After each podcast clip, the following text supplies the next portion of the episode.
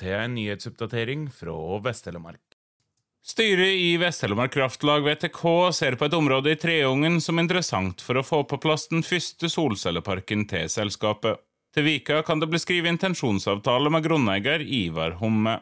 I et brev til Nissedal kommune opplyser Vest-Telemark Kraftlag ved forretningsutvikler Magnus Kvalbein at styret i selskapet har vedtatt å gå videre med planene om å etablere et pilotanlegg for solkraftproduksjon på eiendommen til Homme. Styret har sagt ja til å skrive intensjonsavtale med grunneier og utgreie saka om solcelleparken er god butikk. Dette kan bli starten på VTKs solsatsing, sier styreleder i VTK, Fyresdalsordfører Erik Skjervagen, som videre forteller at selskapet ønsker å gjennomføre prosjektet i lag med grunneier Homme.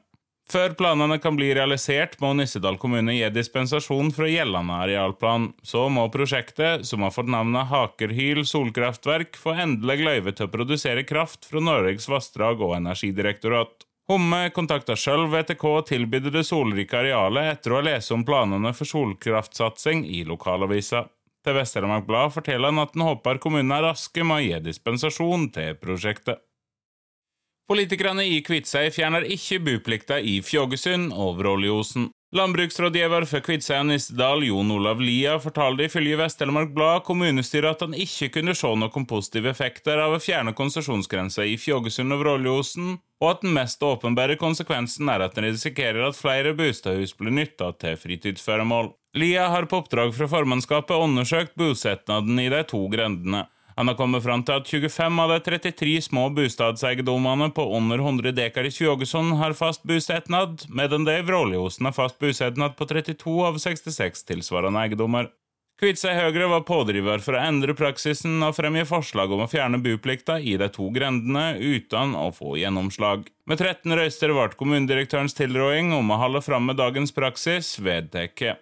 Vel å merke med et tilleggsframlegg fra Arbeiderpartiet og Solveig Nekstad Grave om å ha en bredere evaluering av ordninga i løpet av de fire neste åra.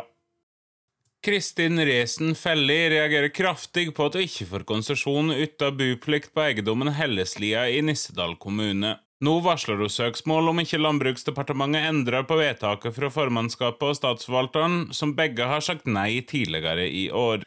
Etter disse vedtakene har ikke Resen Felli på noen måte gitt opp saka. Nå har hun ved hjelp av advokat sendt søksmålvarsel til Landbruksdepartementet fordi hun mener det er gjort ugyldig vedtak i konsesjonssaka. Landbruksdepartementet er overordna organ til statsforvalteren og kan oppheve vedtaket. Det håper jeg på, men hvis ikke er jeg villig til å gå til retten med saka, sier Resen Felli til Vest-Telemark Blad.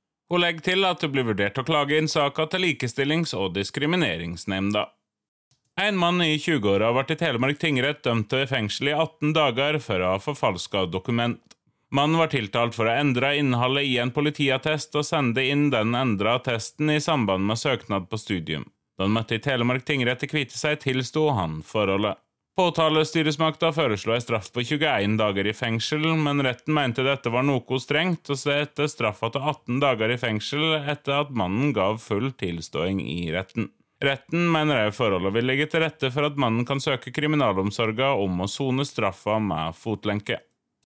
Terje Christian Hansen har spilt hardingfele i 50 år. Forrige helg var han igjen med på landskapsleiken 29 år etter forrige deltaking. Han bor på Rauland og spiller for Falkerise folkemusikklag, men er mest sjølvlært. Da Hansen starta med felespillinga, fantes det ikke noen kulturskole. Men da kulturskolen var etablert, delte han gladelig av ferdighetene sine, og er nå pensjonist med 25 år bak seg som hardingfelelærer i kulturskolen. Under landskapsleiken deltok Hansen i klasse D, det er klassa for de over 60. Jeg er over 70, jeg kommenterer Spelemannen til Vest-Telemark Blad. Bra gikk det òg, Hansen vant klassa si og har ikke tenkt å gi seg med det første.